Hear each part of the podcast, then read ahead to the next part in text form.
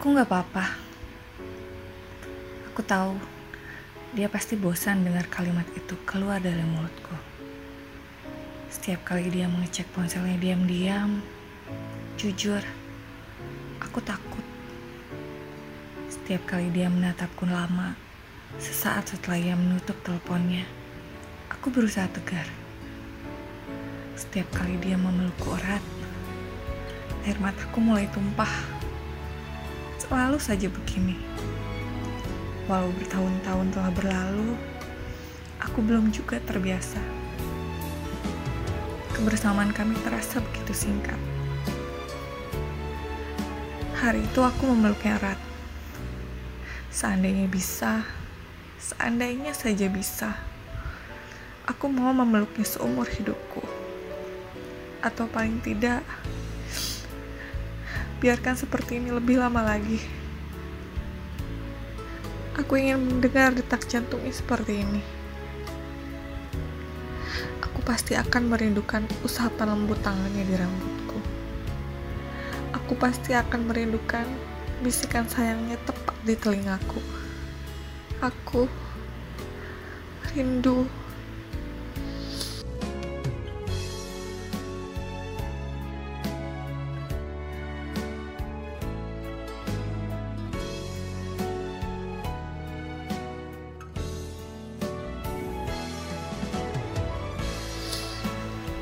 Kami mengurai pelukan. Jari-jarinya menghapus jejak-jejak air mata di pipiku. Aku tersenyum padanya, berusaha tegar untuk melepasnya. Walaupun melihat matanya yang menatapku erat, seketika membuatku takut. Kemudian, ketika dia bertanya apakah aku baik-baik saja, dengan senyum yang kupaksakan, aku mengulang kalimat yang sama. Aku gak apa-apa. Dia mundur dan menjauh dariku. Jari-jariku masih enggan melepas tangannya. Dia mundur lagi. Hingga genggaman kami tidak mungkin lagi bertaut. Aku berusaha tersenyum. Begitu pula dengannya. Kemudian, ketika dia berbalik dan berjalan semakin jauh. Aku sungguh tidak bisa menahan tangisku. Menyadari pria yang kucintai harus pergi seperti ini, sungguh bukan keinginanku. Aku mau dia tetap di sampingku. Aku mau dia memilihku.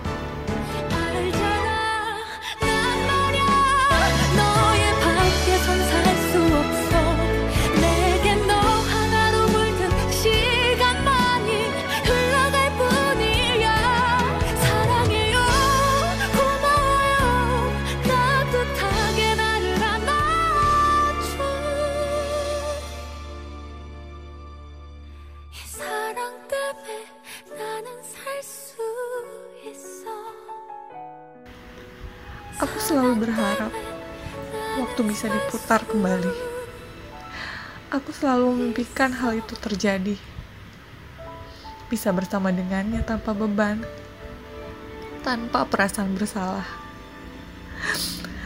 Seandainya aku bisa mengulang waktu, seandainya aku yang lebih dulu bertemu dengannya daripada seorang yang kini berdiri berdampingan dengannya di pelaminan. Sahabatku, Aku menangis di tempat persembunyianku. Aku merasa sedih dan bersalah sekaligus. Kenangan-kenangan bersamanya tiba-tiba saja terputar jelas di kepalaku.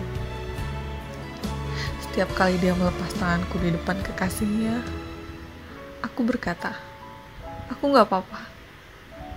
Setiap kali dia lebih memperhatikan kekasihnya daripada aku, aku selalu mengucap, aku gak apa-apa dan hari ini, ketika dia memutuskan untuk memilih kasihnya, lagi-lagi aku hanya bisa berkata, aku gak apa-apa.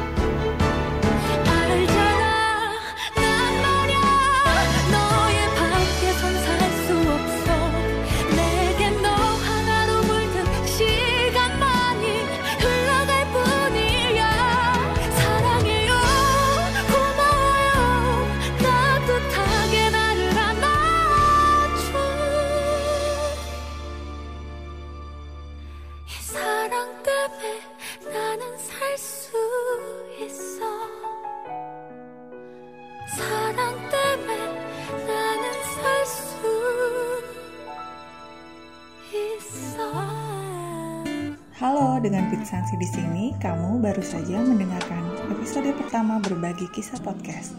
Buat kamu yang mau banget kisahnya aku jadiin cerita atau narasi seperti ini, langsung aja follow akun Instagram BKP di @berbagikisah.podcast dan segera DM kisah menarikmu.